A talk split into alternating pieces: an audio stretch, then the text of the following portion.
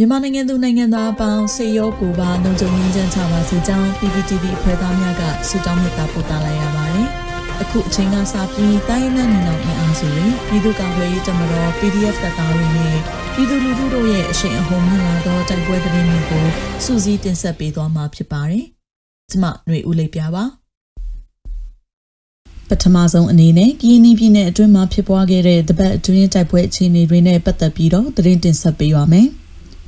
ကရင်ပြည်နယ်အဆက်ကဒီမော့ဆိုမြို့နယ်မှာအကြမ်းဖက်စစ်တပ်နဲ့ပြည်သူ့ကာကွယ်ရေးတပ်ဖွဲ့ဝင်တွေကြားတိုက်ပွဲတွေပြင်းပြင်းထန်ထန်ဖြစ်ပွားနေပါတယ်။အဲဒီတိုက်ပွဲတွေနဲ့ပတ်သက်ပြီးတော့ကရင်နီအမျိုးသားများကာကွယ်ရေးတပ်ဖွဲ့ KNDF ကတပတ်အတွင်းဖြစ်ပွားခဲ့တဲ့အခြေအနေတွေနဲ့ပတ်သက်ပြီးတော့ဒီနေ့မှသတင်းထုတ်ပြန်လိုက်ပါတယ်။ရှမ်းပြည်နယ်တောင်ဘက်ကနေစတင်လာတဲ့အကြမ်းဖက်စစ်ကောင်စီတပ်တွေရဲ့ထိုးစစ်ဆင်မှုကဒီမော့ဆူမြို့နယ်ဆောင်းတူရွာတဲ့ကြေးရွာအုပ်စုပူဖားရွာနဲ့ သေးစုလဲရွာအထိရောက်ရှိလာခဲ့ပါတယ်။အကြံဖက်စစ်တပ်ကသူတို့ထိုးစစ်ဆင်မဲ့လမ်းကြောင်းတစ်လျှောက်မှာရှိတဲ့ကြေးရွာတွေကိုလမ်းကြောင်းရှင်းလင်းတဲ့အနေနဲ့ကနဦးလေးကြောင်းပုံကျဲတိုက်ခိုက်တာတွေလက်နက်ကြီးတွေနဲ့ပစ်ခတ်တာတွေပြုလုပ်ခဲ့သလိုမြေပြင်စစ်ကြောင်းတွေကလည်းထိုးစစ်ဆင်မှုတွေပြုလုပ်ခဲ့ပါတယ်။ KNDF ရဲ့သတင်းထုတ်ပြန်ချက်မှာတော့အကြံဖက်စစ်တပ်ကလမ်းကြောင်းတစ်လျှောက်မှာရှိတဲ့ကြေးရွာတွေကိုဝင်ရောက်ပြီးတော့အရက်သားပြည်သူတွေကိုတပ်သားနေအိမ်တွေကိုဖောက်ထွင်းပြီးမိရှို့ဖျက်ဆီးတာတွေလှုပ်ဆောင်နေတယ်လို့ဆိုပါတယ်။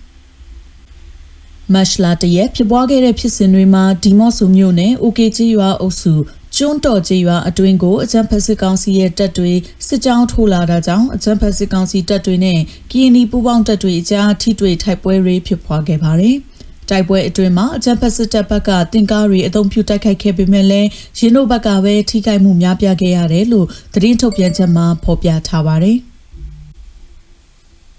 မတ်လ2ရက်ဖြစ်ပွားခဲ့တဲ့ဖြစ်စဉ်တွေမှာဒေါ်ပူကူနဲ့ဒေါ်ပီတာကြီးရွာအကြားကိုစစ်ကြောင်းထိုးလာတဲ့အကြမ်းဖက်စစ်ကောင်စီတပ်တွေနဲ့ကီယနီပူပေါင်းတပ်တွေအကြားနှစ်ဖက်ထိတွေ့မှုဖြစ်ပွားခဲ့ပါတယ်။အဲဒီနေ့အစောပိုင်းမှာဒီမော့ဆိုမြို့နယ်စင်တောင်ကြီးရွာအတွင်းမှာအကြမ်းဖက်စစ်ကောင်စီတပ်တွေကကြီးရွာအတွင်းအရက်သားပြည်သူ3ဦးကိုတပ်ဖြတ်ပြီးနေအိမ်တွေကိုမိရှုပ်ဖျက်ဆီးမှုတွေပြုလုပ်ခဲ့ပါတယ်။ မတ်လ3ရက်ဖြစ်ပွားခဲ့တဲ့ဖြစ်စဉ်တွေမှာစောင်းတူရွာတစ်အုပ်စုဒေါ်ကမီနဲ့စီလီဒုံကျေးရွာအကြားမှာတပ်ဆွဲထားတဲ့အကြမ်းဖက်စစ်ကောင်စီတပ်တွေကိုကီနီပူမောင်းတပ်တွေကဝင်ရိုက်တွက်ခတ်ခဲ့ပါတယ်။တိုက်ပွဲအတွင်းမှာအကြမ်းဖက်စစ်ကောင်စီတပ်ဖက်က၄ဦးသေဆုံးခဲ့ပါတယ်။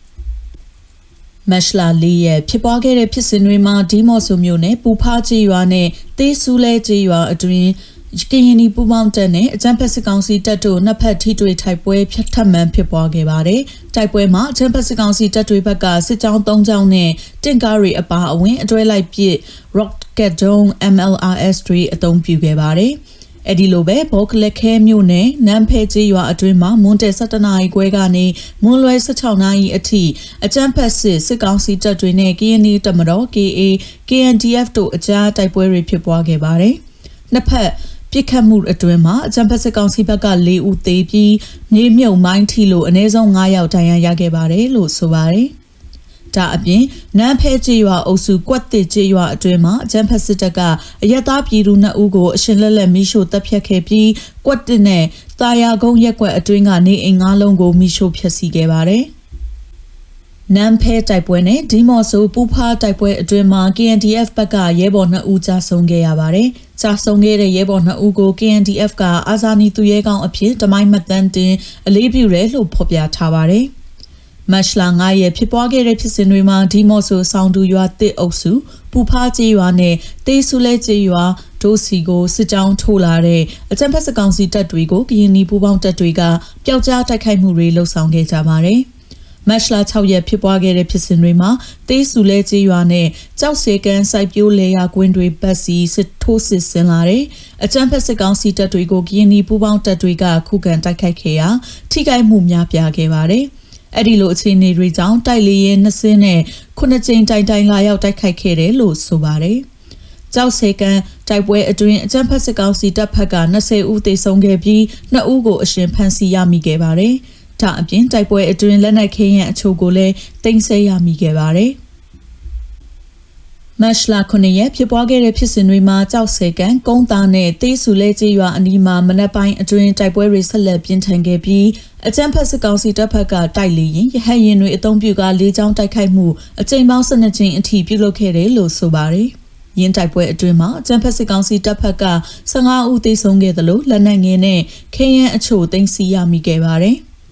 မက်လာရှိရဲ့ဖြစ်ပွားခဲ့တဲ့ဖြစ်စဉ်တွေမှာဒီမော့ဆူမြို့နယ်ဆောင်းဒူလာကျေးရွာကိုအကြက်ဖက်စစ်ကောင်စီတပ်တွေကမနက်အစောပိုင်း2နာရီခွဲမှာလေကြောင်းဖြင့်ဘုံကျဲတိုက်ခိုက်ခဲ့ပါတယ်။ဘုံကျဲတိုက်ခိုက်မှုကြောင့်ကျေးရွာအတွင်းရှိခရစ်ယာန်ဖျားရှိခိုးကျောင်းတစ်စောင်းပျက်စီးခဲ့ရပါတယ်။ပုံကျဲတိုက်ခိုက်မှုအပြီးနနက်ခင်းအာယုံဦးအချိန်မှာဆောင်းဒူလာကျေးရွာကိုလက်နက်ကြီးတွေနဲ့ထပ်မံပစ်ခတ်ခဲ့လို့ကဲဆယ်ရေးအဖွဲ့ဝင်လူငယ်နှစ်ဦးထိခိုက်ဒဏ်ရာရရှိခဲ့ပါတယ်။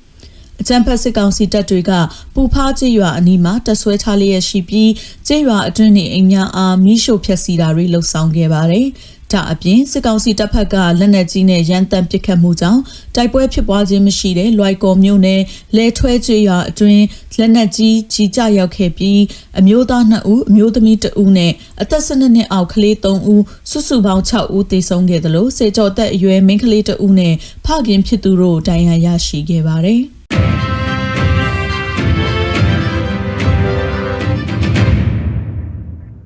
ဆက်လက်တင်ဆက်ပေးမှာကတော့ကရင်မျိုးသားအစည်းအရုံးအုပ်ချုပ်မှုနယ်မြေအတွင်းမှာ February တလအတွင်းတိုက်ပွဲ420ကြိမ်ဖြစ်ပွားပြီးအကြမ်းဖက်စစ်တပ်နဲ့ BGF တပ်သား330ယောက်သေဆုံးနေဆိုတဲ့သတင်းမှာ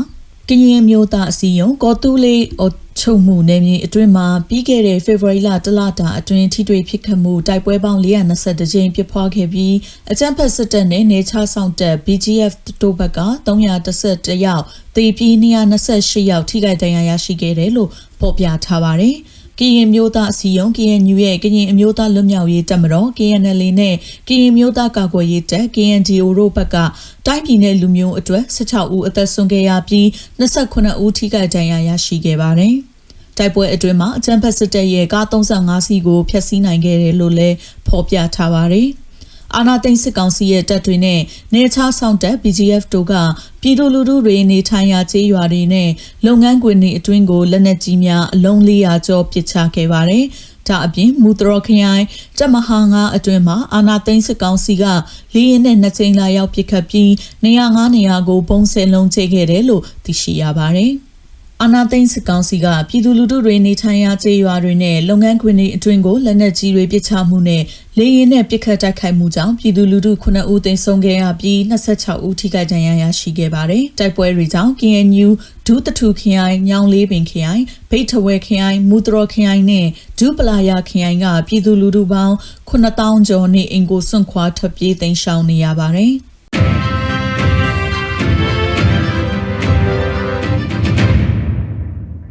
နောက်ဆုံးအနေနဲ့အမျိုးသားညီညွတ်ရေးအစိုးရပြည်내ရေးနဲ့လူဝင်မှုကြီးကြပ်ရေးဝန်ကြီးဌာနကမတ်လ9ရက်ရက်စွဲနဲ့ထုတ်ပြန်တဲ့ပြည်သူ့ခုခံတော်လှန်စစ်တရင်အချက်လက်တွေကိုတင်ဆက်ပေးသွားမှာပါ။အာနာသိန်းအကြံဖက်စစ်အုပ်စုကပြည်သူလူထုအပေါ်နေစဉ်အကြံဖက်ဖမ်းဆီးတပ်ဖြတ်နေမှုကြောင့်ပြည်သူလူထုတရက်လုံးကအသက်ရှင်သန်ရေးအတွက်မိမိကိုယ်ကိုခုခံကာကွယ်နေရပြီးပြည်သူ့ခန့်စစ် People Defensive War ကိုဆင်နွှဲလျက်ရှိပါတယ်။ တရင်ချက်လက်များအရ8ရက်3လ2022ရက်နေ့တွင်စစ်ကောင်စီတပ်ဖွဲ့ဝင်36ဦးသေဆုံးပြီးထိခိုက်ဒဏ်ရာရရှိသူ73ဦးရှိတယ်လို့သိရှိရပါတယ်။စစ်အာဏာရှင်စနစ်မြန်မာမြေပေါ်မှာအပြည့်တိုင်ချုပ်ငြိမ်းရေးနဲ့ Federal Democracy တည်ဆောက်ရေးအတွက်ငြိမ်းချမ်းစွာဆန္ဒပြသည့်လူထုတပိတ်တိုက်ပွဲများနဲ့ပြည်내နဲ့တိုင်းဒေသကြီးများမှာဖြစ်ပွားပေါ်ပေါက်လျက်ရှိပါတယ်။မြေပြင်မှာယခုတွေ့ရတဲ့သတင်းချက်လက်များထက်ပို၍ဖြစ်ပွားနိုင်ပါတယ်ရှင်။